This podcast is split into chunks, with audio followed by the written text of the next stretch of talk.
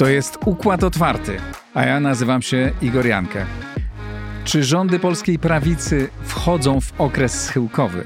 Co udało się jej osiągnąć przez 6 lat zasiadania u sterów władzy? Czy poprawa losu biedniejszej części społeczeństwa jest realnym sukcesem rządów Prawa i Sprawiedliwości? W jakim stanie są instytucje państwa? Czy możemy przełamać kryzys w relacjach z Unią Europejską i zacząć odgrywać w niej większą rolę? Co nam sprzyja, a co przeszkadza w Europie? O tym wszystkim rozmawiam z Janem Rokitą. W drugiej części rozmowy Justyna Gotkowska z Ośrodka Studiów Wschodnich opowie nam o nowym niemieckim rządzie, o tym, czym będzie się różnić od poprzednich rządów i co to znaczy dla Polski. Czy będziemy mieć z nimi łatwiej czy trudniej? Układ Otwarty jest niezależnym podcastem. Jeśli podoba się Państwu to, co robię, możecie wesprzeć rozwój Układu Otwartego i zostać patronem za pośrednictwem serwisu patronite.pl. Otrzymacie dostęp do zamkniętej grupy patronów na Facebooku, a także będziecie mogli otrzymać mój newsletter z wyborem najciekawszych tekstów z polskich mediów, z różnych portali od lewa do prawa, które co tydzień wyszukuję dla patronów Układu Otwartego. Bardzo dziękuję wszystkim dotychczasowym patronom. Wasze wsparcie bardzo wiele dla mnie znaczy. Układ Otwarty to jedno z niewielu miejsc, w którym niezależnie ponad podziałami politycznymi i ideowymi rozmawiamy o Polsce i o miejscach, które dla Polski są ważne. Wspierajcie więc Układ Otwarty, polecajcie podcast znajomym, zwłaszcza w mediach społecznościowych. To bardzo pomaga. A teraz zapraszam do słuchania. Dzień dobry, Jan Rokita, były polityk, publicysta, wykładowca. Witam serdecznie Ciebie, Janku. Cześć, dzień dobry. E, Janku, czy kiedy patrzysz na obecną ekipę rządową i na to, co dzieje się z polską prawicą, kilka sondaży pokazuje, że popularność rządu zaczyna spadać. Mierzy się ta ekipa po kilku latach z ilomaś naraz problemami realnymi, poważnymi. Inflacja, pandemia, e, konflikt poważny z Białorusią i Rosją, innego rodzaju konflikt z Unią Europejską. Czy Twoim zdaniem ta ekipa wchodzi w fazę schyłkową, czy to jest przejściowy kryzys, z którego ma szansę jeszcze wyjść? Nie mam zielonego pojęcia, naprawdę. To jest takie pytanie trochę dla cyrkowego prestidigitatora. Nie, nie da się takich rzeczy w gruncie rzeczy przewidywać przecież. E, na razie jest tak, że e, nikt w Polsce dłużej niż dwie kadencje, odkąd Polska odzyskała wolność, nie rządził. Rekordzistą był Tusk, który czmychał przed końcem drugiej kadencji, bo wiedział, co się za chwilę zdarzy. Oni mają dwie kadencje prawie murowane, prawda? Pisowcy mają prawie murowane dwie kadencje. I tak czy owak jest dla nich wielkie osiągnięcie. Jeśli się okaże, że oni są w stanie zyskać trzecią kadencję, następną i wygrać wybory w roku 2023, no to, to byłby rzeczywiście rekord świata. Moim zdaniem takie bardzo prostackie, tak bardzo prostacko rozumiane prawdopodobieństwo wskazywałoby raczej na to, że powinni przegrać, no bo jak długo to jest możliwe, ale realia są takie, że to jest całkowita niewiadoma. W moim przekonaniu to się będzie chybotać aż do nocy wyborczej. Ja mam raczej, jeśli pytasz mnie o jakąś spekulacje co do wyborów za dwa lata, to moim zdaniem ta spekulacja będzie taka, że wybory się rozstrzygną w noc wyborczą w tę albo w tamtą stronę i że to się pewnie omsknie ciut w tę albo ciut w tamtą stronę. No mają konfederację, która jest całkiem poważnym, e, potencjalnym sojusznikiem się zrobiła, prawda? Bo kiedyś to była jakaś, e, to były jakieś kompletnie niepoważne polityczne grupki tam wokół Korwina i tak dalej. Dzisiaj to się zrobiła poważna siła, przede wszystkim w związku z zarazą, prawda? Dlatego, że oni artykułują pewien bardzo ważny nurt społeczny, sprzeciwu wobec ograniczeń wolności w czasie zarazy i na tym będą budować, moim zdaniem, bardzo silną pozycję, parunastoprocentową, więc e, to jest jakby dodatkowy ich atut, że na prawicy jest e, potencjalny, ciekawy sojusznik do e, współrządzenia, mający polityków, powiedziałbym, o bardzo wysokim poziomie inteligencji i odpowiedzialności, typu Bosak, który zawsze na mnie robił bardzo dobre wrażenie, im dłużej go obserwuję, tym robi lepsze. Czy odpowiedź na Twoje pytanie jest taka, że, to, że ich rządy w następnej kadencji są absolutnie możliwe, ale niepewne. Tak, ja raczej chciałem zapytać nie o Twoje przewidywania, co się stanie, tylko o ocenę tego, czy ten rząd ma jeszcze sprawczość. Czy tam jest, czy Ty czujesz jeszcze moc w tej ekipie i możliwość dokonania jakichś rzeczy poważnych i zmierzenia się z tymi problemami, czy to już jest raczej tylko obrona przed rozmaitymi czarnymi łabędziami napływającymi z różnych stron? Nie, no sekundę. PiS nie jest i nigdy nie był partią o charakterze e, takim instytucjonalno-reformatorskim. To jest partia neosarmacka, z taką skłonnością do, do, do ludowości, bez szacunku dla instytucji publicznych, nigdy ich szczególnego nie miała. W związku z tym po, po nich trudno oczekiwać jakichś było fundamentalnych reform instytucjonalnych. Zresztą oni obejmowali władzę w 2015 roku, w różnych te tekstach pisałem o tym, że przewidywanie jakichś poważnych reform instytucjonalnych jest iluzją. E, to, że oni się zabrali za wielką, e, jak do tej pory zablokowaną reformę sądownictwa, wymiaru sprawiedliwości, to jest e, efekt bardziej, że tak powiem, ich doktryny ideologicznej, prawda? To znaczy tego sporu korporacyjnego, prawda? Oni zawsze zwalczali korporacje no, zwłaszcza korporacje prawnicze. W związku z tym ta walka przeciwko korporacjonizmowi, ona należała rzeczywiście do pewnego etosu wewnętrznego PiS. Ja pamiętam e, e, świętej pamięci Gosiewskiego, prawda, który kawał życia strawił na walce o otwarcie zawodów prawniczych i uzyskał w tej materii wielki sukces, więc to była taka ich doktryna. Ja zresztą, szczerze mówiąc, to jest inna sprawa, ale tę doktrynę podzielam. To znaczy, oni uważ, uważam, że oni tutaj, że ta doktryna jest słuszna, a korporacje są jednym z największych niebezpieczeństw dla współczesnego państwa, ale to jest jakby inna sprawa. Natomiast poza tą jedną kwestią, no to gdzie nie wiadomo, czy w ogóle im się jeszcze uda coś z tymi reformami dalej zrobić, czy nie, bo to też jest w tej chwili w stanie całkowitego zawieszenia i jak wiadomo uwikłany w straszne konflikty krajowe i zagraniczne, no to oni mają potężny program takiego ludowego awansu społecznego e, w warstw niższych, prawda, na którym jadą od samego początku od 500 plus do Polskiego Ładu. I to jest dynamika społeczna, która no jest gigantyczna, tak? Znaczy, to jest dynamika, która jest to proporcją Garde porównywalna z y, początkiem PRL-u, prawda? To znaczy z gigantycznym awansem społecznym, który niósł PRL i dlatego zyskał zaufanie wśród niższych warstw społecznych.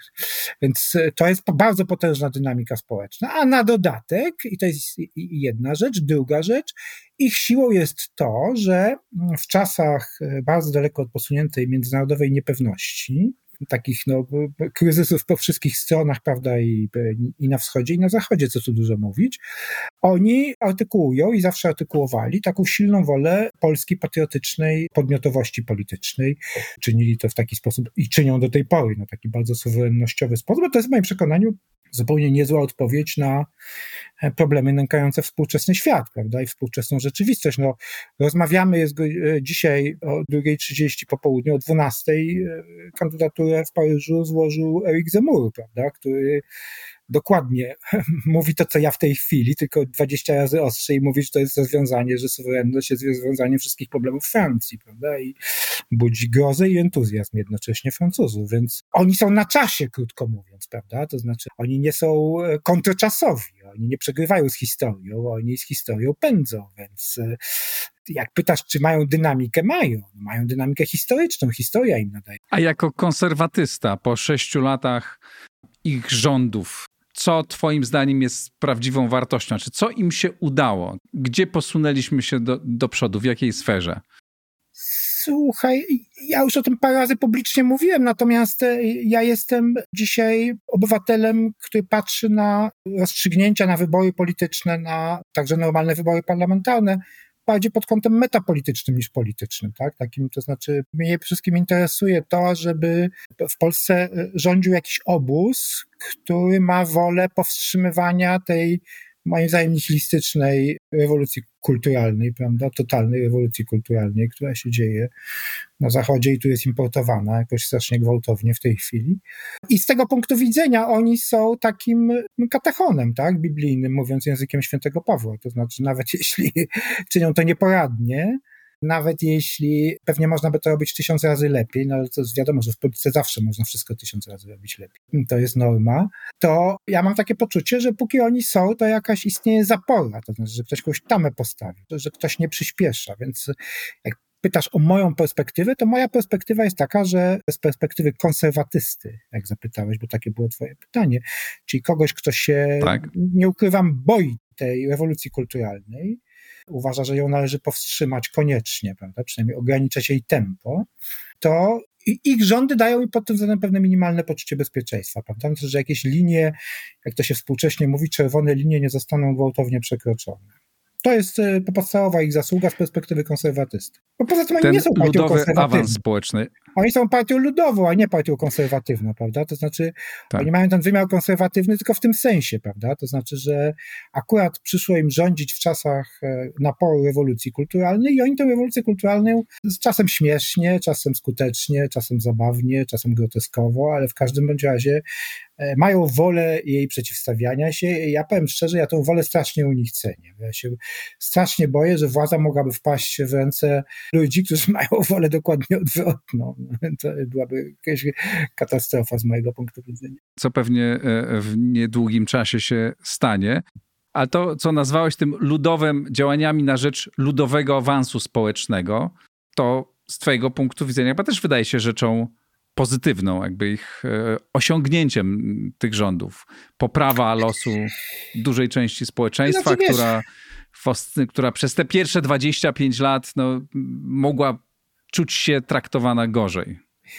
To jest ambiwalentny problem. Odpowiedź na to nie jest taka e, aksjologicznie jednoznaczna, dlatego że to, to jest tak, w perspektywie takiej elementarnej sprawiedliwości, społecznej, to masz oczywiście rację, jak i również w perspektywie tego sporu ideologicznego, czy tej, tej rewolucji kulturalnej, o której ja tym mówiłem, też masz rację, dlatego że wsparcie ludu polskiego, krótko mówiąc, prawda, znaczy wsparcie niższych warstw jest zarazem wzmocnieniem potencjału antyrewolucyjnego w Polsce, tego antyrewolucyjnego w sensie kulturalnym, prawda? Znaczy lud stanowi tu zaporę w Polsce, prawda? Znaczy to e, wy tam w tej cholernej, w, w, Warszawie, wy tam wszyscy ci inteligenci warszawscy, wy chcecie tej rewolucji za wszelką cenę, nie wiadomo dlaczego. I to jest jakby wasz kaprys w gruncie rzeczy, prawda? Taki e, elitarystyczny tam warszawski. Nie wszyscy. Nie, no nie wszyscy, muszę protestować. Tak? Nie wszyscy inteligenci w Warszawie no. o tym marzą. No w każdym razie to nie jest kaprys ludu polskiego prawda? Lud ma różne inne kaprysy, ale na pewno ta rewolucja kulturalna nie jest jego kaprysem. Więc e, to jest kaprys elitarny, więc wzmacnianie ludu też jest pewną wzmacnianiem zapory przeciwko tej rewolucji. I to jest jakby jedna strona medalu. Jest druga strona medalu, no, którą doskonale znasz tak samo jak ja, to znaczy oni mają szczęście z pewnego punktu widzenia. Polska ma szczęście, nie oni tylko, ale i oni i Polska e, ma szczęście pod jednym bardzo ważnym względem ekonomicznym, tak? To znaczy oni objęli władzę akurat w momencie, w którym w e, świecie zachodnim, a gdzie tam w zachodnim, w całym świecie, ulegał radykalnej przemianie paradygmat ekonomiczny, prawda? Pamiętasz, jak była dziura Bałca pod koniec rządów Buzka, w budżetową, mówimy o deficycie budżetowym, tam kilkudziesięciomiliardowym, to ogłoszono to dość powszechnie katastrofą narodową i wszyscy się spodziewali w ogóle jakiejś, no za chwilę zbiorowej śmierci, prawda, narodu, likwidacji narodu, upadku państwa i czegoś takiego.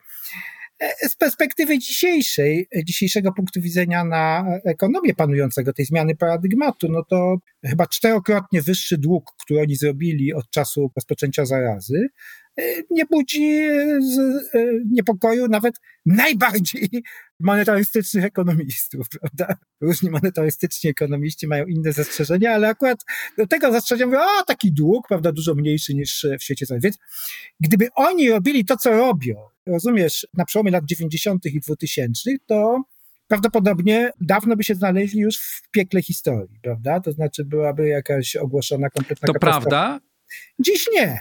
Ale pamiętajmy, Janku, że wtedy, ja nie jestem ekonomistą i się nie próbuję mądrzeć, ale gospodarka była wtedy w zupełnie innym stanie, nasz poziom dochodu narodowego był zupełnie innym, na innym poziomie, produkcja była na innym prawda, wiesz, poziomie, tylko, więc y, jesteśmy bogatsi, możemy sobie pozwolić na więcej prawda, i to jest to w tym sensie kluczowe. zrozumiałe to jest 10% wytłumaczenia. 90% wytłumaczenia to jest zmiana paradygmatu, prawda? Dlatego, że ta zmiana podejścia dotyczy przecież e, nie tylko Polski, ale dotyczy całego świata. E, Republikanie w Kongresie Amerykańskim z oporami wprawdzie, ale nagle popierają bilion dolarów na roboty publiczne, czyli program wielokrotnie większy niż najsłynniejszy program robót publicznych w Ameryce, który Roosevelt zaproponował przed II wojną światową, czyli New Deal, prawda?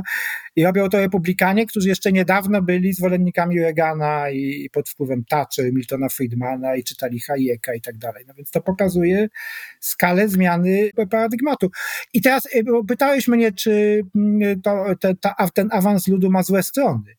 Więc moja obawa, jako człowieka jednak e, o niemieckiej wyobraźni, jeśli chodzi o e, ekonomię i budżet, takiej reganowsko-niemieckiej, to znaczy, że takiej zdroworozsądkowej, prawda? To znaczy mającego instynktowne przekonanie, że jednak i ludzie, i narody, i państwa, i rodziny, które zaciągają nieobliczalne ilości długów, kończą źle i że tak było zawsze w historii. Mnie pewien niepokój z tym wszystkim cały czas ogarnia, chociaż ten niepokój sam w sobie pacyfikuje właśnie tym przekonaniem, o którym mówiłem przed chwilą, że no popatrz, mówię sobie do siebie, głupi Jasiu, przecież jesteś anachroniczny, bo cały świat tak robi. No i się na chwilę uspokajam, a potem mi niepokój wraca znowu. Ale jest jeszcze jeden duży pozytyw tych działań, mianowicie większy pokój społeczny, zmniejszenie nierówności. Wielkie nierówności zawsze grożą wybuchami, poza tym, że nie jest zbyt sprawiedliwe, by, by tak wielkie nierówności były, ale one nie są, nie są dobre ani dla gospodarki, ani dla, dla stabilizacji społeczno-polityczno-gospodarczej no państwa. To, ja ci powiem, to w Polsce nie było wielkim problemem tak naprawdę, dlatego że jak się patrzy na przepaści we Francji, czy w, Ameryce, czy w Rosji na przykład, no to już jest skrajny przypadek, e, przepaści nierównościowe, e, to Polska była w gruncie rzeczy krajem pod względem szalenie zawsze wyrównanym, tak? To znaczy nawet ta makroekonomiczna balcerowiczowska polityka, która wydawała się sprzyjać bogaceniu się bogatych, a biednieniu biednych, prawda, na pierwszy rzut oka, ona w gruncie rzeczy nie wytworzyła nierówności porównywalnych z tym, co jest w świecie zachodnim. Polska jest pod tym względem, ja nie mam przed sobą statystyk rzecz jasna, ale pamiętam, że czytałem kiedyś statystyki, one mnie nawet nieszczególnie zdziwiły. My jesteśmy gdzieś tam poniżej średniej, prawda, tych wszystkich europejskich nierówności, więc e, masz rację, że generalnie nadmiar nierówności jest zawsze zły, ale ja w przeciwieństwie do tych wszystkich Krugmanów i innych takich kęsistów ekonomicznych, nie mam przekonania, że to jest najbardziej fundamentalny problem dzisiejszej epoki, prawda? Znaczy, a w Polsce to już na pewno nie. No tak, ale zważ na to, że jednak ubodzy Francuzi byli dużo bardziej zamożni niż ubodzy Polacy, czy żyli na lepszym poziomie niż ubodzy Polacy. U Jasne. nas ten problem był większy, który pewnie widzisz ze swojej dzisiejszej perspektywy. Ze swojej dzisiejszej perspektywy, słuchaj, widzę coś dokładnie odwrotnego, powiem ci szczerze, dlatego że przyjeżdżałem trzy lata temu, przenosiłem się na Podkarpacie pod Bieszczady z takim przekonaniem, że przenoszę się do, czytałem roczniki statystyczne i indeksy Ministerstwa Pracy, jeśli chodzi o bezrobocie. Byłem przekonany, że przenoszę się do regionu o największym strukturalnym bezrobociu w Polsce, czy jednym z największych w każdym bądź razie, o największym poziomie biedy, a w ogóle jednym, do jednego z najbiedniejszych regionów Unii Europejskiej. No i potem zacząłem, kupiłem tu mały drewniany domek i zacząłem go remontować i zacząłem szukać dowolnego pracownika, żeby cokolwiek przy tym domku zrobił. Okazało się to prawie niepodobieństwem, prawda? Mówiono mi, panie, trzy lata temu to byli Ukraińcy na rynku, można było ich wynająć, ale teraz już nawet Ukraińców nie ma, bo oni pojechali do Warszawy, prawda? Albo gdzieś na zachód. Tu jest, słuchaj, zero bezrobocia faktycznie, pomimo że roczniki statystyczne ktoś Bo wprowadziłeś już w trzecim roku rządów PiSu, który wprowadził taki tak, dobrobyt. domy i ogrody, słuchaj, należą do, no, pewnie nie wyglądają tak jak e, pod, gdzieś tam w, e, tam u was koło Warszawy, prawda, gdzie są pałace tych wszystkich milionerów, prawda? Więc tutaj są, takich rzeczy nie ma, ale domy są bogate, ogrody są zadbane, ludzie żyją zamożnie, tu nie ma jakiegoś przelewającego się bogactwa, prawda? Natomiast to, mam wrażenie, że przeniosłem się do prawdziwego miejsca, gdzie istnieje polska średnia klasa, to znaczy tu jest wszędzie średnia klasa. Ci dawni chłopi to jest po prostu średnia klasa. I to nie jest kwestia tylko i wyłącznie PiSu, który oczywiście im pomógł, 500 e, plus i tak dalej, i ten proces przyspieszył, i wzrost płac, prawda? W ostatnich latach ten proces bardzo zdecydowanie przyspieszył. Że my jesteśmy od czasów Tuska do ubiegłego roku byliśmy w, w takiej e, logice permanentnego wzrostu wynagrodzeń w Polsce. W ogóle ewenement na dużą skalę, Ale to jest trend, który jest pewnie znacznie wcześniejszy, bo to nie mogło się tak wszystko tu zmienić w ciągu ostatnich trzech lat, prawda? To wszystko zostało ugruntowane już wcześniej poprzez sukces gospodarczy Polski. To znaczy oni są ten stan Podkarpacia jest owocem generalnego sukcesu gospodarczego Polski. Więc jak ci ktoś mówi, że to jest najbiedniejszy region, że tu jest bezrobocie strukturalne i są, bied- i są dzieci głodne jeszcze, prawda? Bo to jeszcze w Warszawie to czasem się o tych głodnych dzieciach mówi, to się śmiej do rozpuku. Straszne, wprowadzasz podziały między Polakami w naszej rozmowie. E, e, w co trzecim zdaniu słyszę o złych warszawiakach, złych inteligentach, podwarszawiakach. Dosyć tego. Ale chciałem cię jeszcze zapytać o perspektywę państwowca, bo zapamiętałem ciebie z czasów, kiedy byłeś aktywnym politykiem, kandydatem na premiera. To miałeś taki wizerunek i mam wrażenie, że to dobrze cię postrzegam jako państwowca, który co nie jest oczywiście sprzeczne z byciem konserwatystą, wręcz jest spójne, ale jako państwowiec, czyli człowiek dbający czy myślący dobrze o potrzebie budowania silnych instytucji. Jak patrzysz po tych sześciu latach? Czy coś się posunęło do przodu, czy cofnęło, czy jesteśmy w tym samym miejscu? Bo to jest chyba instytucja, to jest największy problem trzydziestolecia wolnej Polski. To się ja mam takie zmieniło. przekonanie, że to jest jedna rzecz, która nam nie wyszła. Wszystko się zmieniło znacznie wcześniej, tak? To znaczy, autorem po polityki lekceważenia instytucji w Polsce jest e, Tusk. Wydawało się, że e, w przypadku Platformy to jest e, pewnego rodzaju zaskoczenie. Było w każdym razie przez 8 lat Platformy, ze względu na to, że istniała ta Platforma roku 2005, prawda, która miała nieprawdopodobnie ambitne cele instytucjonalne, jeśli chodzi o naprawianie struktur, prawda, czy usprawnianie państwa, czynienia go efektywnym i tak dalej. No więc, no Tusk po dojściu do władzy wszystko, wszystkiego tego poniechał, prawda, to była jakaś taka abnegacja, abnegacja totalna, prawda, to znaczy znaczy państwo się, polityka państwa się skoncentrowała na intryze personalnej, na grze ludźmi, prawda? I to akurat szczerze moja wizja polityki przegrała już bardzo dawno, prawda? To znaczy ona przegrała na przełomie lat 90., 2000, a definitywnie przegrała w roku 2005. E, ja e, trochę sobie roiłem w pewnym, w pewnym okresie życia młodym i bardzo ambitnym że można przezwyciężyć w gruncie rzeczy całe polskie sarmackie dziedzictwo, prawda? To znaczy, że można nawiązać do tego nurtu Konstytucji 3 maja takiego właśnie trochę neojakobińskiego, trochę neopiłsudczykowskiego myślenia, budowania sprawnych instytucji, prawda, sprawnego kancleryzmu w Polsce. To wszystko umarło, to jest jakby inna epoka, prawda, a już katastrofa smoleńska potem i ten taki wykwit romantyzmu, czy neoromantyzmu politycznego właśnie sarmackiego, który wtedy nastąpił, e, zabił to ostatecznie w moim przekonaniu nie można się e, kopać z czasem, prawda? To znaczy, e, epoki mają swoje właściwości i e, ja już tamte szlachetne mrzonki o, o tym, że w, korzystając z przywileju, jakim było kilkadziesiąt lat komunizmu, prawda? Bo ten komunizm był w tym sensie przywilejem, że zostawił pustynię na tej pustyni można było zbudować nowe państwo, prawda, korzystając ze wszystkich doświadczeń najlepszych na świecie, wiedzy o administracji, o podejmowaniu decyzji nowoczesnej, która jest dostępna przecież w świecie, zwłaszcza anglosaskim. E, więc ja tam te marzenia już porzuciłem.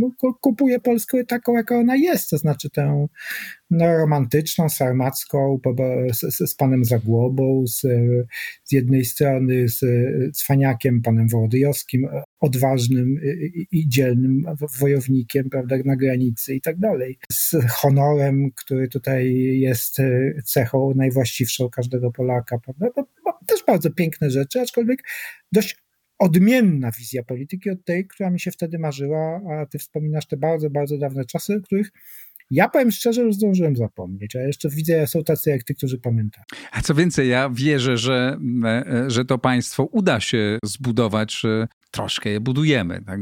Pos, Więc właśnie nie przesadzajmy. Posuwamy się. Ona, znaczy wszystkie, jesteśmy w, w złym momencie historii, dlatego że wiesz, państwa europejskie, te systemy instytucjonalne, E, które były rzeczywiście w krajach Europy, a zwłaszcza w krajach anglosaskich, z wielką determinacją reformowane w latach 90. Cała ta ideologia nowego zarządzania e, administracyjnego, prawda, która się zaczęła w krajach anglosaskich, przeszła do Europy. Ta epoka w gruncie rzeczy minęła i my jesteśmy dzisiaj świadkami, popatrzysz na przykład na Niemcy, które nam się zawsze wydawały państwem niesłychanie sprawnym. My jesteśmy świadkami e, rozkładu klasycznych, demokratycznych systemów instytucjonalnych w Europie. Przecież tak nieudolne i tak niesprawne państwo jak nasz zachodni sąsiad, to się po prostu w głowie nie mieści, co tam powstało. Prawda? To jest kompletna degeneracja. Przecież to jest państwo, które nawet sobie z powodzią nie potrafiło poradzić w ubiegłym roku. Prawda? Znaczy tam pierwsza z brzegu powódź powoduje dziesiątki ofiar śmiertelnych. Prawda? Wszystko zalewa, bo okazuje się, że ja nie znam, nie znam państw, Nikt w ogóle nie organizował e, żadnych systemów przeciwdziałania, przeciwdziałania powodzi. Pojedź do Berlina. Statki turystyczne, które płyną kanałami Szprewy, a po obu stronach kanałów są wysypiska śmieci, które podziwiają tych, ci turyści, których czerwono-czerwone, zielono władze Berlina, to znaczy socjalistyczno-komunistyczno-ekologiczne, e, w ogóle nie sprzątają, bo już to nikogo kompletnie nie, nie, nie, obchodzi, prawda? Ja daję taki przykład, akurat te Niemcy, ten Berlin trochę znam, prawda? Z oczywistych powodów mam żonę Niemkę, więc znam, natomiast e, wydaje mi się, że to jest zjawisko, które dotyczy całego świata zachodniego, a na pewno całej Europy, więc e, nie ma w ogóle dzisiaj atmosfery, klimatu do poważnego wysiłku instytucjonalnego. To jest kompletnie inna epoka niż lata 90. To się wszystko rozpada i powiem Ci coś bardzo optymistycznego, to znaczy na tym tle średniej rozpadającej się europejskiej kondycja instytucji państwa polskiego jest niezła. To jest ten paradoks, prawda? Bo się średnia obniżyła strasznie. No tak, ale to jest średnio optymistyczne, że, że średnia się obniżyła i no. dlatego nasze, y, nasze instytucje wyglądają lepiej. Nasze państwo cywilizacyjnie wygląda coraz lepiej i tu rzeczywiście coraz częściej widać kontrasty z bogatszym Zachodem, gdzie nasze nowe, nasza nowa infrastruktura po prostu działa lepiej niż tam, no. bo jest nowa i bo ją budujemy. Mogę ci jeszcze anegdotkę na tym tle opowiedzieć, jeżeli mamy czas z praktyki, bo moja żona pechowo zgubiła e, w, w metrze w Berlinie stosunkowo niedawno, to było w ubiegłym roku, a jest obywatelką polską i niemiecką, pieniądze ukradli pieniądze i dokumenty. I dokumenty i polskie, i niemieckie. Więc straciła dowód osobisty polski, niemiecki, prawo jazdy polskie, prawo jazdy niemieckie, wszystko. Nieostrożna kobieta, no jak to kobieta. Ale dlaczego o tym opowiadam? Dlatego, że w tym samym czasie w związku z tym w Krakowie i w Hamburgu w dwóch miejscach wyrabiała nowe dokumenty. Słuchaj, to jest, nadzieję się na, na książkę, ta, ta historia.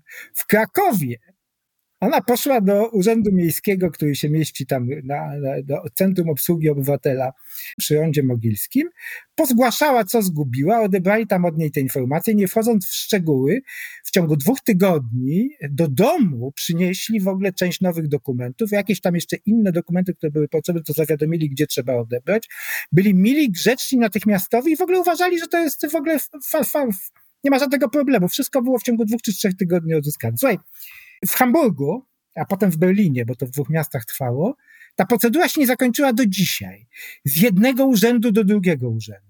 W jednym urzędzie 500 euro, w drugim urzędzie 200 euro urzędniczka mówiąca, że ona jest niekompetentna, bo jeszcze tyle dokumentów to nikt naraz nie zgubił i że ona musi jechać na skraj Berlina do innego zupełnie urzędu i tam się dowiedzieć, w jaki sposób w ogóle ma to odzyskać. A potem się okazało, że do odzyskania dowodu osobistego niemieckiego potrzebuje karty kredytowej, a do odzyskania karty kredytowej niemieckiej potrzebuje dowód osobisty. W związku z tym, że jak się nie ma obu rzeczy, to już jest to w ogóle niemożliwe.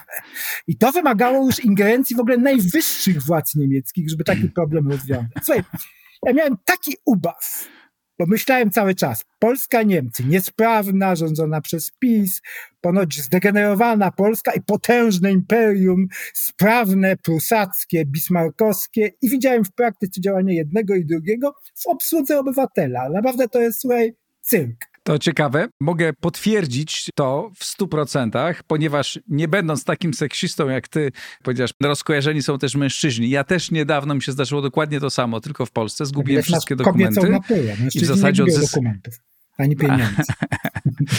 Odzyska, odzyskałem je bardzo szybko, przy czym większość z nich zablokowałem i, i aplikowałem o nie nowe, nie ruszając się z domu. Ja nawet tylko no w jednym przypadku musiałem pójść do no urzędu no po, po, po prawo jazdy i było no to, właśnie. byłem zachwycony. Y, muszę powiedzieć, że bardzo szybko dlatego, je, nie, dlatego nie bardzo wiesz, szybko odzyskałem.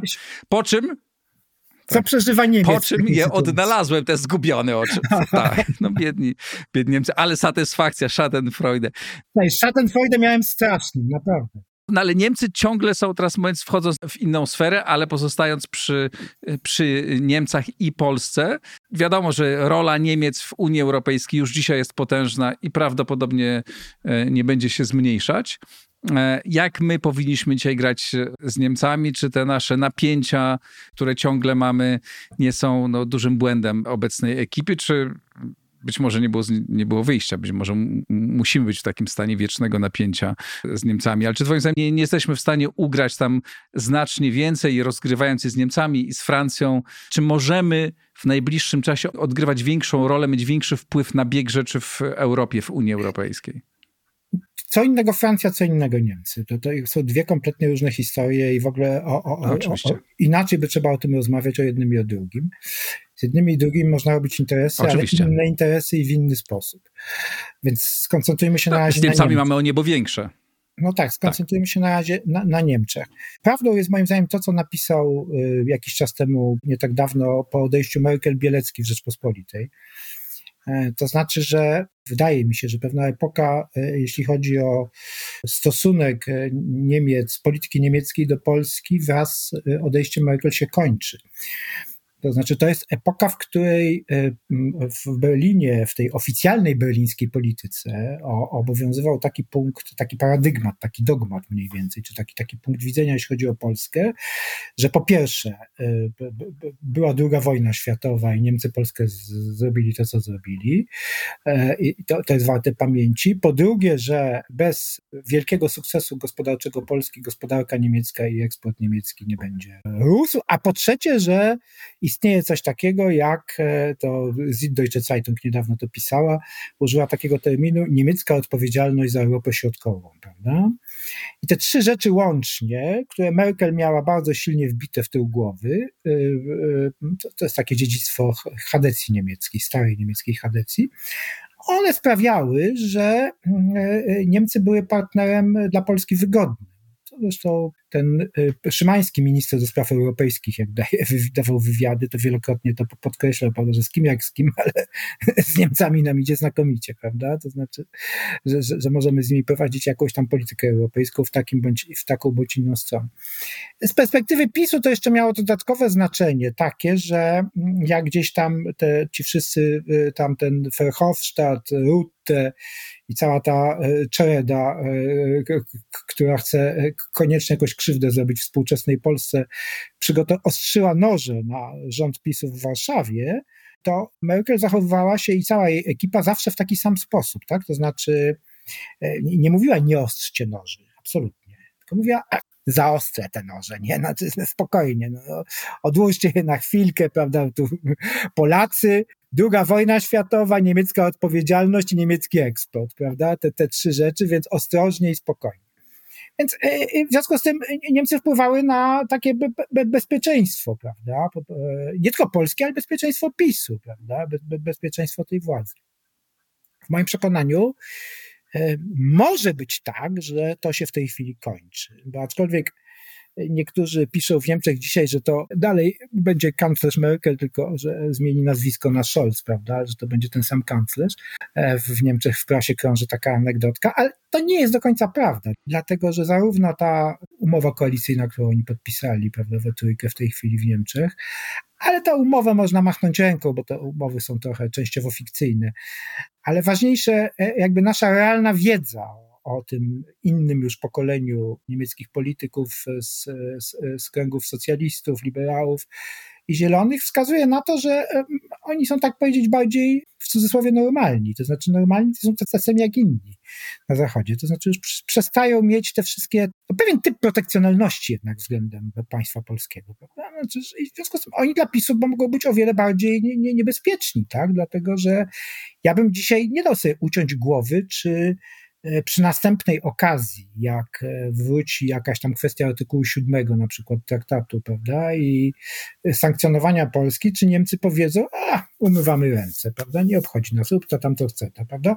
Merkel by do tego nigdy nie dopuściła. Ale jest jedna rzecz, jeśli mogę ci zwrócić uwagę, zgadzam no. się, że przychodzi inne pokolenie i to w ogóle inna, inne grupy polityczne, inaczej myślące, ale przychodzą w czasie, kiedy to powiązanie naszych gospodarek jest jeszcze dużo większe niż było e, 5 czy 10 lat temu. My się stajemy jednym z absolutnie kluczowych partnerów tak. gospodarczych Niemiec i każdy nasz kryzys rzeczywiście może się odbić poważnie na, na, na Niemczech. W tym sensie wyrzucenie nas do drugiego czy trzeciego kręgu jest dla nich ryzykowne.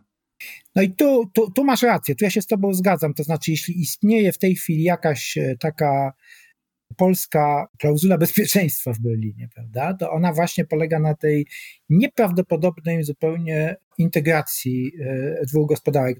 Znaczy, to, co się stało, to jest w ogóle jakiś fenomen kompletny. W tej chwili znów nie pamiętam, ale to zdaje się w 2003 roku przed wejściem Polski do Unii, to jeśli dobrze pamiętam, mogę coś pokręcić, to cała, nie bilans, tylko cała suma polskiego, e, polsko-niemieckiego handlu, czyli importu i eksportu sięgała tam coś 13 czy 14 miliardów euro, teraz to jest 200.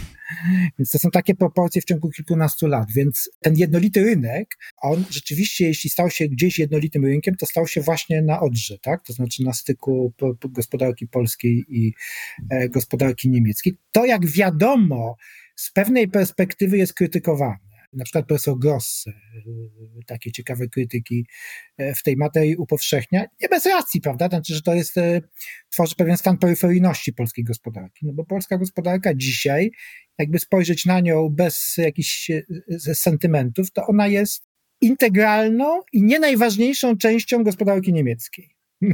To, to, to, tak naprawdę wygląda, prawda? No tak, ale też, się, ale też się zmienia, tak? Morawiecki się na to obruszał tak. okropnie i to było strasznie śmieszne, jak Morawiecki się obruszał, dlatego że nie wiem, czy pamiętasz, Morawiecki jak doszedł do władzy jeszcze jako wicepremier, to dawał takie wywiady, teraz mu już to minęło, Bogu dzięki, ale dawał takie wywiady o tym, ile to pieniędzy ci Niemcy z Polscy wywożą, jaką to zbrodnią były inwestycje niemieckie w Polsce, prawda, jakich strasznie szkód narobiło w, w Polsce jak ten, po czym tydzień po tych wywiadach ogłaszał kolejną niemiecką inwestycję jako wielki sukces swojego rządu, na przykład Demlera pod Wrocławiem. Było tak śmieszne, że ja pękałem ze śmiechu, prawda?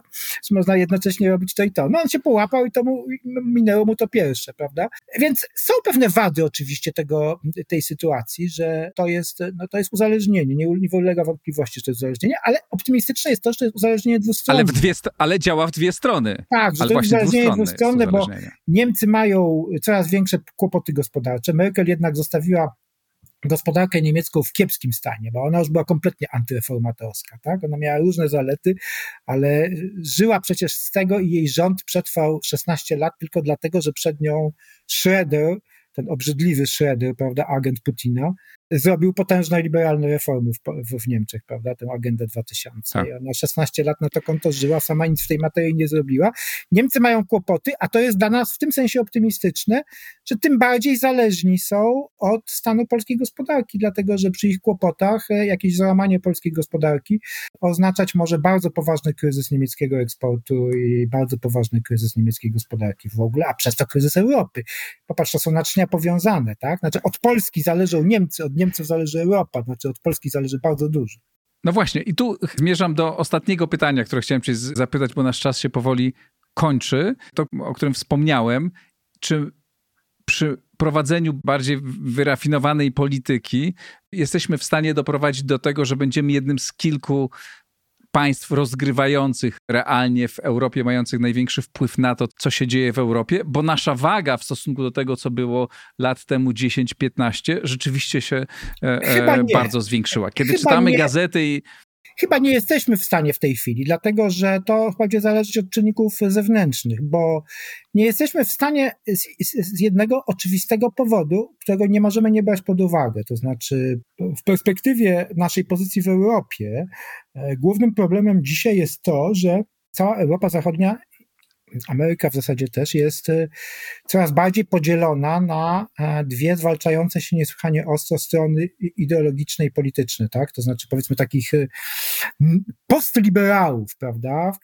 Którzy, na których się składa w gruncie rzeczy, na których się składają dawni socjaliści, dawni chadecy, dawni liberałowie, wszyscy do kupy, prawda? I z drugiej strony rosnącą w siłę tę nową alternatywną prawicę, która jest tak naprawdę jedynym w tej chwili alternatywnym wobec tego mainstreamu europejskiego jego e, obozem politycznym. I teraz problem polega na tym, że o ile w, w, ciągle w największych krajach europejskich i w instytucjach unijnych dominuje pierwszy obóz polityczny, o tyle w Polsce dominuje drugi obóz polityczny. I te dwa obozy polityczne są w otwartej wojnie. To znaczy, e, PiS chciałby zbudować większość w Europie taką, która by była po, tak naprawdę po jego myśli, prawda, i obaliła tych postliberałów, prawda, europejskich, czy w razie odsunęła ich od dominacji, a ci postliberałowie marzą tylko o jednym, żeby odsunąć PiS od władzy i żeby tu wrócił Tusk, prawda? I tak długo jak ta sytuacja trwa, to to jest pewien pad i to się nie zmieni. To jest strukturalna sytuacja. To jest pytanie kto kogo, prawda? To się nie może zmienić. To jest, póki trwa ten układ, to tu będzie trwała sytuacja konfliktowa. W związku z tym nasza rola w takich warunkach, polityczna w Europie, ona się będzie zwiększać w zależności od zewnętrznych okoliczności. Kiedy ona się zwiększa? Ona się zwiększa zawsze wtedy, kiedy pojawia się jakiś istotny problem na wschodzie, prawda? To znaczy, kiedy się pojawia konflikt z Rosją, kiedy się pojawia destabilizacja Ukrainy, kiedy się pojawia zagrożenie granic unijnych na wschodzie, e, kiedy Ameryka zaczyna się bać wschodu, wtedy nagle się okazuje, że a, tam jest, popatrzcie, mówią w Białym Domu, Widzicie, tam taki kraj leży między Odrą a Bugiem i on jest cholernie geopolitycznie ważny w tej sytuacji, więc niech tam jakaś szefowa Avril Hain Intelligence Community jedzie i pogada z Morawieckim i coś mu opowie o tym, jaka ta Polska jest ważna i jaka może być ważna na wypadek wojny, która się zdarzy, prawda? Więc e, to jest ta sytuacja. Znaczy, zewnętrzne okoliczności w tej chwili sprawiają realny wzrost znaczenia Polski w Europie i w świecie, ponieważ y, tą okolicznością jest ten niepokój na wschodzie. Pozycja y, geopolityczna Polski na zachodzie jest warunkowana stanem spraw na wschodzie. To znaczy, jak na wschodzie jest dobrze, Polska geopolitycznie nie istnieje. To znaczy, jest jakimś peryferium, to jakiś Tatarstan, prawda? Jak się robi na wschodzie awantura i niebezpiecznie, którą nagle są zainteresowani Niemcy, Francuzi, Amerykanie, okazuje się, że Polska jest kluczowym krajem geopolitycznym i że trzeba o nią zabiegać i jej pomagać. I to jest w moim przekonaniu czynnik najbardziej fundamentalny w tym momencie. I postawmy tu kropkę, ponieważ otworzylibyśmy nowy wielki temat, na który z przyjemnością mówię się innym razem. Jan Rokita z podkarpackiej wsi z piękną, wielką brodą. Dziękuję Ci bardzo. Wszystkiego dobrego, dziękuję. Słuchacie Układu Otwartego, niezależnego podcastu, który możecie wspierać za pośrednictwem patronite.pl. Bardzo do tego namawiam. Justyna Gotkowska, koordynatorka programu bezpieczeństwa regionalnego w Ośrodku Studiów Wschodnich. Dzień dobry. Dzień dobry. E, rozmawiamy chwilę przed ale kiedy Państwo będziecie słuchać bądź oglądać ten program, to już będzie nowy rząd. 2 grudnia będzie powołany nowy, nowy rząd w nowym składzie, nowa koalicja i nowa umowa koalicyjna, która ma dla nas to szokujące, dla mnie szokujące 177 stron, a negocjowało to, jak przeczytałem zresztą na waszej stronie, 300 polityków w 22 grupach przez dwa miesiące coś nie, niebywałego. To zupełnie inna kultura polityczna. To prawda. Co więcej, e, tę umowę koalicyjną w tej chwili muszą zaakceptować członkowie wszystkich trzech partii. I e, ten dokument e, będzie podlegał wewnątrzpartyjnemu głosowaniu. I to pokazuje, jak inaczej tam się prowadzi politykę, jak ona jest zależna również od tych układanek wewnątrzpartyjnych grupa posłów, nie grozi nam to, że grupa posłów e, FPD nagle wrzuci projekt uchwały jednego, ustawy jednego dnia i następnego dnia przez Bundestag przyleci, potem przez Bundesrat i już będzie, będzie uchwalona. Wydaje mi się, że e, z tego względu e, ta umowa e, koalicyjna ma 177 stron, że koalicjanci, takie równie, tak samo jak w przypadku tej wielkiej koalicji, z którą mieliśmy do czynienia w ostatnich czterech latach, chadecy, socjaldemokraci, ci koalicjanci z oczywistych powodów sobie nie do końca dowierzają, z tego względu, że mają różnych wyborców, różne bazy partyjne, różne priorytety. One niekoniecznie są zbieżne, więc z tego względu wszystkim zależało na wypracowaniu wypracowaniu dosyć um, dokładnych wytycznych dla pracy nowego rządu w kolejnych czterech latach. I praktyką w Niemczech jest to, że ta umowa koalicyjna jest faktycznie realizowana ale y, nie ustala się w niej, kto będzie pracował w jakich spółkach i do jakiego banku przedstawiciele której partii pójdą. To nie, ale na końcu tego dokumentu jest ustalony podział ministerstw, e, Aha. jest ustalony częściowo podział sekretarzy stanu w Urzędzie Kanclerskim. oraz jest ustalona kwestia tego, jak te trzy partie w rządzie będą się konsultować, koordynować swoją politykę na bieżąco w ramach gremiów, które omawiają e, bieżące kwestie i decydują o kierunkach e, polityki, bazując oczywiście na, na tym, co zostało ustalone w ramach tej umowy koalicyjnej. To będzie zupełnie inny rząd. W każdym razie tak wygląda, patrząc z zewnątrz, niż ten poprzednie rządy. I czy prawdą jest to, że tym razem ta zmiana jest rzeczywista? No bo w ostatnich kilku wyborach ktoś tak mówił, że ludzie głosowali inaczej, ale na końcu rządzili ciągle, poza Angelą Merkel, to i tak ten mniej więcej ci sami ludzie podobny, zbliżony program. Czy ten rząd będzie rzeczywiście inny? Wydaje mi się, że tak to będzie spora zmiana jak na Niemcy. Tutaj rozmawialiśmy przed programem o tym, że przede wszystkim będzie to zmiana generacyjna. Jak spojrzymy sobie na, na nowy Bundestag, to on pokazuje z jakimi innymi Niemcami mamy do czynienia, z Niemcami, które są bardziej różnorodne i ponad 11% posłów w Bundestagu, to są bodajże 83 e, e, mandaty, ma pochodzenie migracyjne. I to są mhm. kraje tak jak, takie jak Syria, Irak, Afganistan, Turcja, Kamerun. Mamy 35% kobiet, czyli dosyć wysoki wynik, chociaż no nie do końca taki, jak sobie życzyli zieloni czy socjaldemokraci. Mamy też dużo młodych ludzi e, w tym rządzie, 7% mandatów właśnie dla osób poniżej 30 roku życia. E, I to jest w szczególności widoczne w, u socjaldemokratów, gdzie kilkadziesiąt mandatów zdobyła posłowie wywodzący się z młodzieżówki bardzo lewicowej mhm. w tej partii i ta młodzieżówka będzie w wielu kwestiach miała e, istotne e, znaczenie i jeżeli coś jej się nie będzie podobać, będzie głośno podnosiła e, te kwestie. I tutaj możemy mieć do czynienia również, mogą być również e, pewne tarcia pomiędzy szefami partii, frakcji, którzy ustalą pewne kierunki polityki, a tą bazą partyjną, która jest również reprezentowana dosyć mocno w Jakieś parlamencie. tarcia w Niemczech to w ogóle tarć nie ma, tam się to rozwiązuje w jakichś naradach długich. I, tak, i, do tego byśmy... byśmy... Czyli wreszcie będzie troszkę, będzie troszkę ciekawie. bliżej niż u nas. Ciekawie. No dobrze, ale ciekawie. czym się, jeśli chodzi o program, tak zasadniczo, mhm czym się ten rząd będzie różnił? Poza tym, że będzie bardziej roz, różnorodny, rozumiem, młodszy, będą wpływy, wpływy imigrantów mm, dużo, o, dużo silniejsze niż do tej pory. To mhm. programowo. Czym on będzie się różnił od mhm. rządów Angeli Merkel? Mhm. Na pewno nie będzie tego, o czym, o czym mówiłeś, czyli takiego ustalania polityki w kuluarach, e, ponieważ same zapisy umowy koalicyjnej wskazują na wzmocnienie Bundestagu. Będziemy mieć do czynienia z, z trzema partiami i to jest e, taka niespotykana sytuacja w Niemczech. I, i te partie żywo dyskutują na różne tematy i, i ja bardzo jestem ciekawa, jak e, jakie będą praktycznie te rządy, ale co do programu. Rozumiem, że no właśnie, będzie bardziej proimigracyjna, tak, bardziej otwarta, tak, bardziej tak. liberalna, jeśli chodzi e, to o znaczy, ja bym podzieliła, podzieliła ten program na priorytety, jakie miały poszczególne partie. Więc dla socjaldemokratów ważne były te kwestie socjalne, kwestie e, wzmocnienia sprawiedliwości społecznej i z tego względu w tej umowie znalazły się zapisy dotyczące podniesienia płacy minimalnej, dotyczące kwestii ubezpieczeń społecznych, dotyczące pewnej korekty systemu zabezpieczeń e, socjalnych, inwestycje w mieszkalnictwo, palący problem w dużych niemieckich miastach, takich jak Hamburg, Berlin, e, Monachium.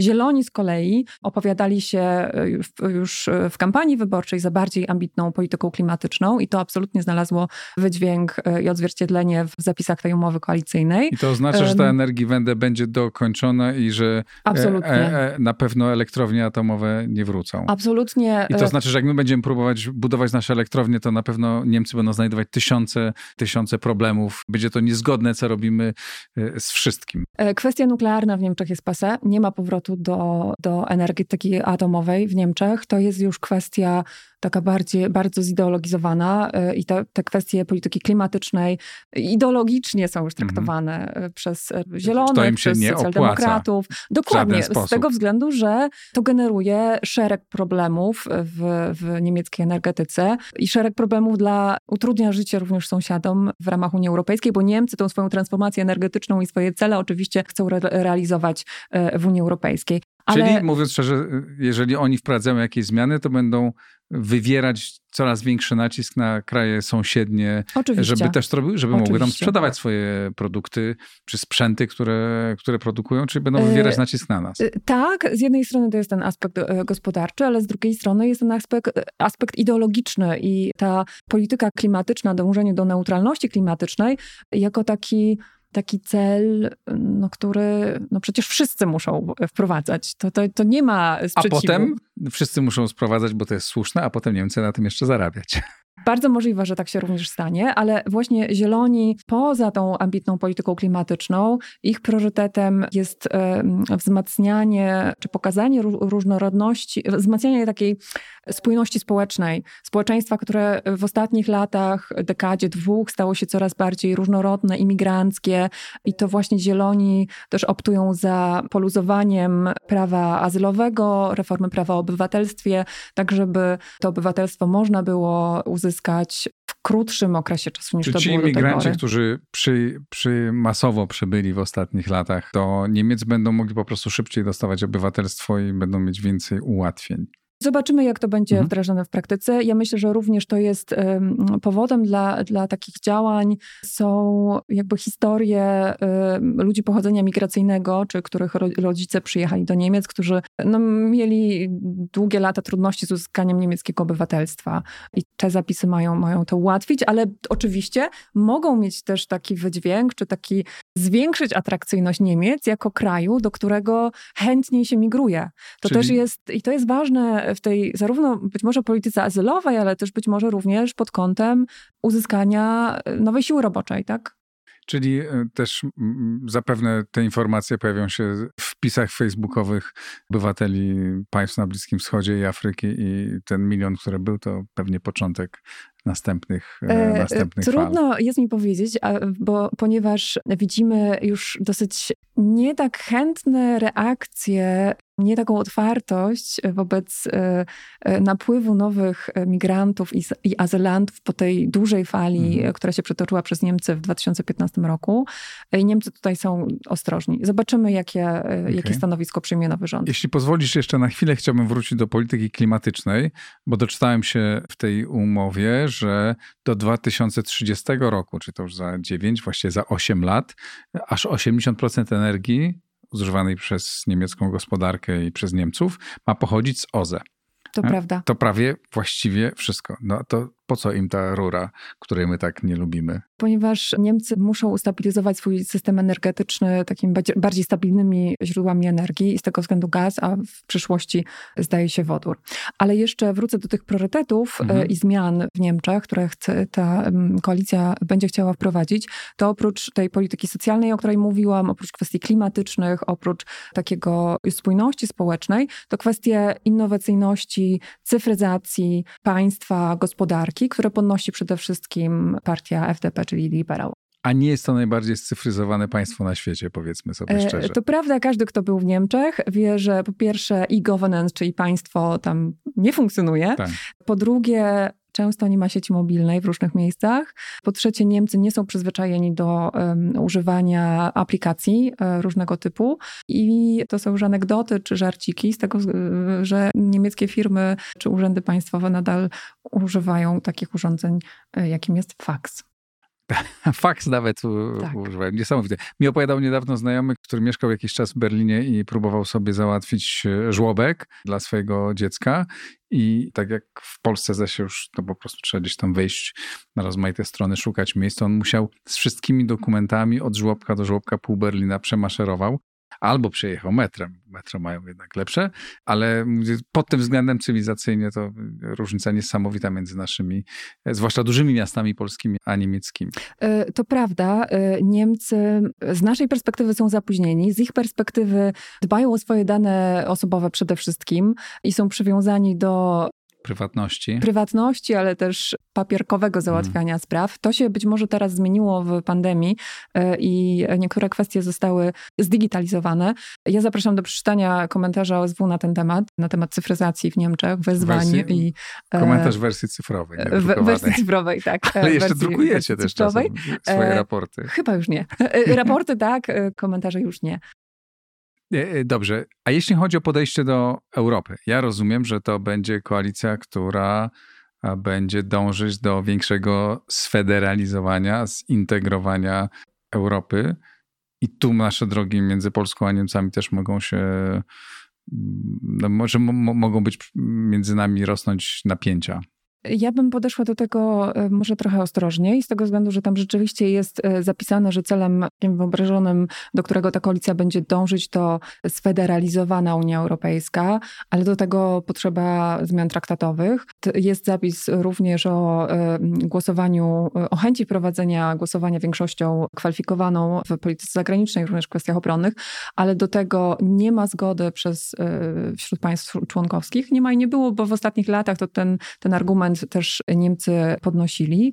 Są zapisy o dążeniu do uzyskania przez Unię suwerenności strategicznej w pewnych obszarach, ale to są obszary takie jak energetyka, polityka zdrowotna i kilka jeszcze innych. Z mojej perspektywy ważne jest to, że Niemcy nie, czy ta koalicja nie zapisała żadnej europejskiej autonomii strategicznej w bezpieczeństwie, czy suwerenności strategicznej w bezpieczeństwie. Rozumiem, że ta idea już jest w głowach tylko i to niewielu Francuzów. Tak, już jesteśmy na etapie takich dyskusji w Unii Europejskiej, gdzie wiadomo, że że, ten, e, że, wszyscy są zmęczeni e, e, dyskusjami o europejskiej autonomii strategicznej, że większość państw, państw w takim rozumieniu, jak są Francuzi, na taką autonomię się nie zgadza.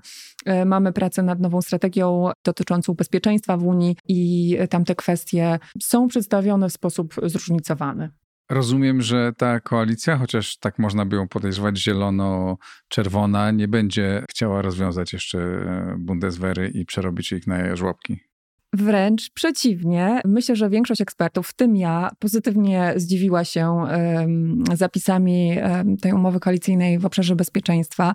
To jest relatywnie, oczywiście mówię, z tego względu, że spodziewaliśmy się e, gorszych rzeczy, a ta umowa e, mówi o tym, że NATO jest podstawową organizacją, która zapewnia bezpieczeństwo Niemiec i Europie, że Niemcy i ta koalicja, ważne jest z jej e, perspektywy utrzymanie odstraszania konwencjonalnego, nuklearnego, że będzie inwestować 3% w działania międzynarodowe i tutaj wymieniono dyplomację, współpracę rozwojową i wypełnianie zobowiązań w NATO. Tam nie pojawia się te dwa, mityczne 2%, ale to jest istotny zapis, który daje nadzieję, że ten budżet niemiecki obronny będzie rósł, chociaż tutaj musimy zobaczyć, jak będzie to wyglądało w praktyce. Potrzebny jest silny minister obrony z SPD, bo partie zgodziły się, że, że ten resort y, obejmą socjaldemokraci. I pytanie, jak ta kwestia mm, wydatków obronnych będzie rozwiązywana w długofalowym planowaniu e, finansowym i w negocjacjach nad konkretnymi budżetami, bo Niemcy zobowiązały się w ramach tych celów w polityce socjalnej, polityce klimatycznej, w, in, e, w dążeniu do e, cyfryzacji państwa, większej innowacyjności, do dużych inwestycji w, w te obszary. I tutaj, a jednocześnie zobowiązały się do niezaciągania długów. I jak to wyjdzie w praktyce, jak się, te, jak się ten budżet federalny zepnie i, i gdzie będzie, ile miejsca e, zostanie na wzrost wydatków obronnych, e, zobaczymy.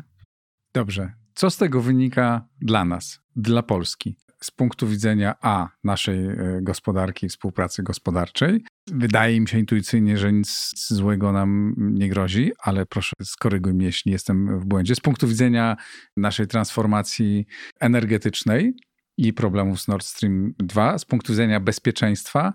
E, no i na koniec z punktu widzenia politycznego e, naszego, naszej pozycji w Unii i wszystkich problemów, e, które dzisiaj mamy mm, z rozmaitymi instytucjami europejskimi. Jak ta nowa generacja Niemców, o której mówiliśmy na początku, to młode pokolenie, też dużo bardziej zróżnicowane, które zaczyna rządzić w polityce, będzie patrzyło na nas. Na pewno już nie ma tego sentymentu, który miał, już nie mówię Helmut Kohl, ale e, nawet Angela Merkel.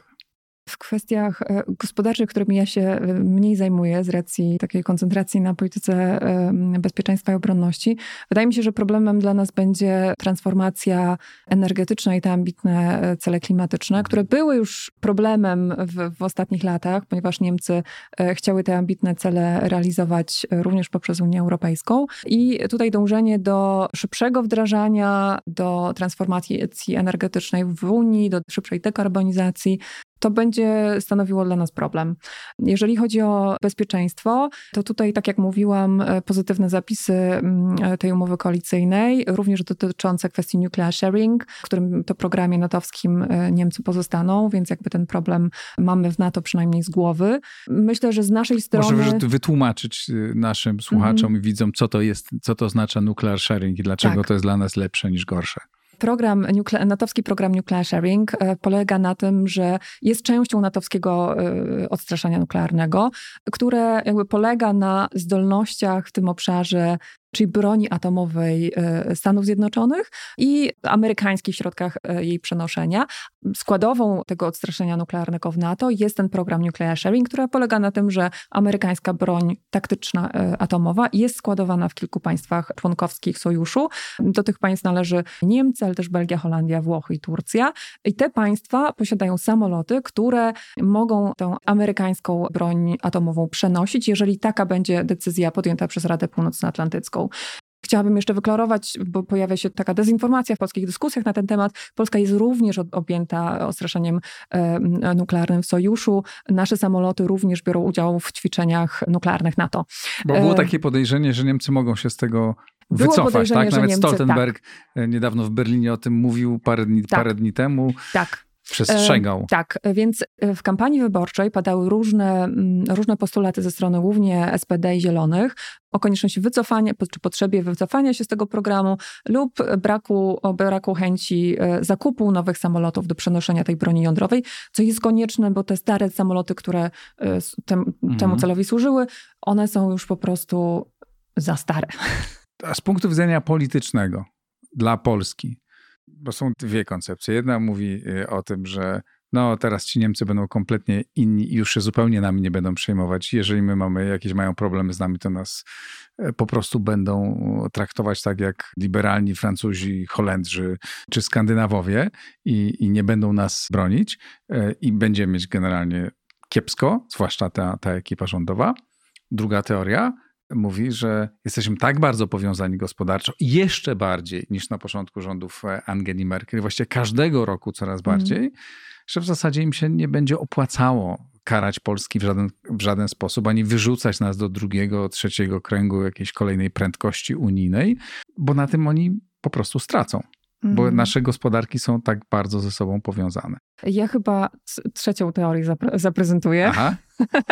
ponieważ uważam, że i to moim zdaniem, czy dla mnie wynika z tej umowy koalicyjnej, że ten rząd, że będziemy mieć problemy w kwestiach takich, e, które jakby nie są bezpośrednio z nami związane, ale są wynikiem e, przekształceń e, właśnie w Niemczech, czyli będziemy mieć problemy z tymi ambitniejszą niemiecką polityką klimatyczną, transformacją energetyczną. Pytajnik, czy znak zapytania w tych kwestiach Niemcy jako atrakcyjny cel dla migracji i dla osób starających się, się o azyl i związane z tym podnoszenie w Niemczech kwestii znowu e, ponownie e, o zeuropeizowanie czy uspólnotowienie tej polityki azylowej, e, polityki migracyjnej w Unii, z czym my mamy problem. Mhm. To są, to są te kwestie. Z drugiej strony mamy nacisk na praworządność, która jest ważna w szczególności dla zielonych. I nie zapomnijmy, że to zielonym przypadnie Ministerstwo Spraw Zagranicznych.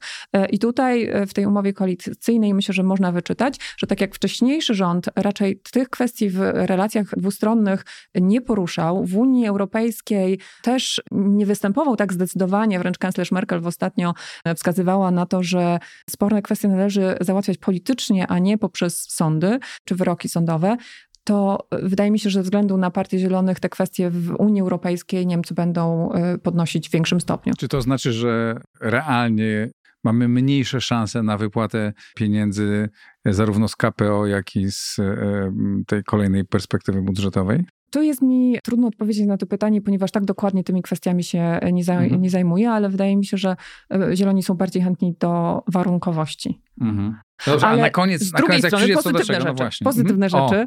O, pozytywne rzeczy. Proszę. Ja myślę, że widzimy wyciągniętą rękę Aha. w nowej koalicji w stosunku do nas i do państw Europy Środkowo-Wschodniej. Ale w czym, w czym to widzimy? W kwestiach bezpieczeństwa, bo ja Aha. myślę, że ten kompromis i te zapisy e, są kompromisem, które, e, który jest skierowany przede wszystkim do państw Europy Środkowo-Wschodniej, co też jest zapisane w tej, e, w tych, w tej, w tej części o, o NATO, o wydatkach na Bundeswehrę, o wypełnieniu zobowiązań w sojuszu. I to jest tam bardzo widoczne. Z drugiej strony mamy kwestie, mamy zapisy dotyczące Rosji, państw partnerstwa wschodniego, Ukrainy, Białorusi, Ukrainy, wzmacniania suwerenności ukraińskiej, poparcie dla integralności te terytorialnej Ukrainy, poparcie dla białoruskiej opozycji demokratycznej. I mamy e, takie zapisy bardziej krytyczne wobec Rosji, gdzie oczywiście jest e, ta marchewka, gdzie mówi się o konstruktywnym dialogu, ale bazującym na prawie międzynarodowym, prawach człowieka i uwzględnianiu interesów na, naszej części Europy. Jest oczywiście krytyka działań rosyjskich na Ukrainie, jest krytyka e, sytuacji wewnętrznej w Rosji, jest, e, jest też oczywiście, bo tego nie mogło zabraknąć, perspektywa współpracy w kwestiach takich jak e, polityka klimatyczna, zdrowie, wodór, ale są tu zapisy wobec Rosji dużo ostrzejsze, a wobec e, państw Partnerstwa Wschodniego dużo korzystniejsze niż ze wcześniejszego rządu. I to myślę, że powinniśmy jakby pozytywnie patrzeć i starać się wykorzystać przede wszystkim właśnie takie nastawienie zielonych, krytyczne wobec Rosji i bardziej e, korzystne wobec, e, wobec Ukrainy. Tyle, że ważne będzie, jak polityka zagraniczna bezpieczeństwa będzie faktycznie kształtowana w tym nowym rządzie, co jest dużą niewiadomą, ponieważ mamy trzy partie. Mamy urząd kanclerski, który za Merkel był bardzo silny. Zobaczymy, jaka będzie pozycja Olafa Scholza, zobaczymy, jaka będzie pozycja Anneleny Baerbock jako ministra spraw zagranicznych, zobaczymy, kto zostanie ministrem obrony. Zieloni też mają ważne mhm. Ministerstwo Gospodarki i Klimatu, więc tutaj będą też pewnie grali rolę, jeżeli chodzi o decydowanie w sprawie ewentualnych sankcji gospodarczych, czy w rozszerzeniu współpracy gospodarczej z Rosją czy z Ukrainą. Zobaczymy, jak, jak to się po prostu utrze. Jedna konkretna rzecz na koniec. Nord Stream 2 jest jakiś cień szansy na, na niedokończenie, e, nieotwarcie tej rury, czy ewentualnie może przedłużyć o wiem, kolejne e... dwa miesiące, ale to i tak mhm. ruszy. Tak, e, ta kwestia zupełnie nie została poruszona w umowie koalicyjnej. Mhm. Wydaje mi się, że socjaldemokraci na tyle są zdeterminowani, żeby, żeby dokończyć ten projekt, że on zostanie e, ukończony, ale zieloni są na tyle zdeterminowani, żeby regulacje unijne, czy krytycznie wobec tego projektu i zdeterminowani, żeby unijne regulacje w kwestiach energetycznych całość tego projektu obejmowały.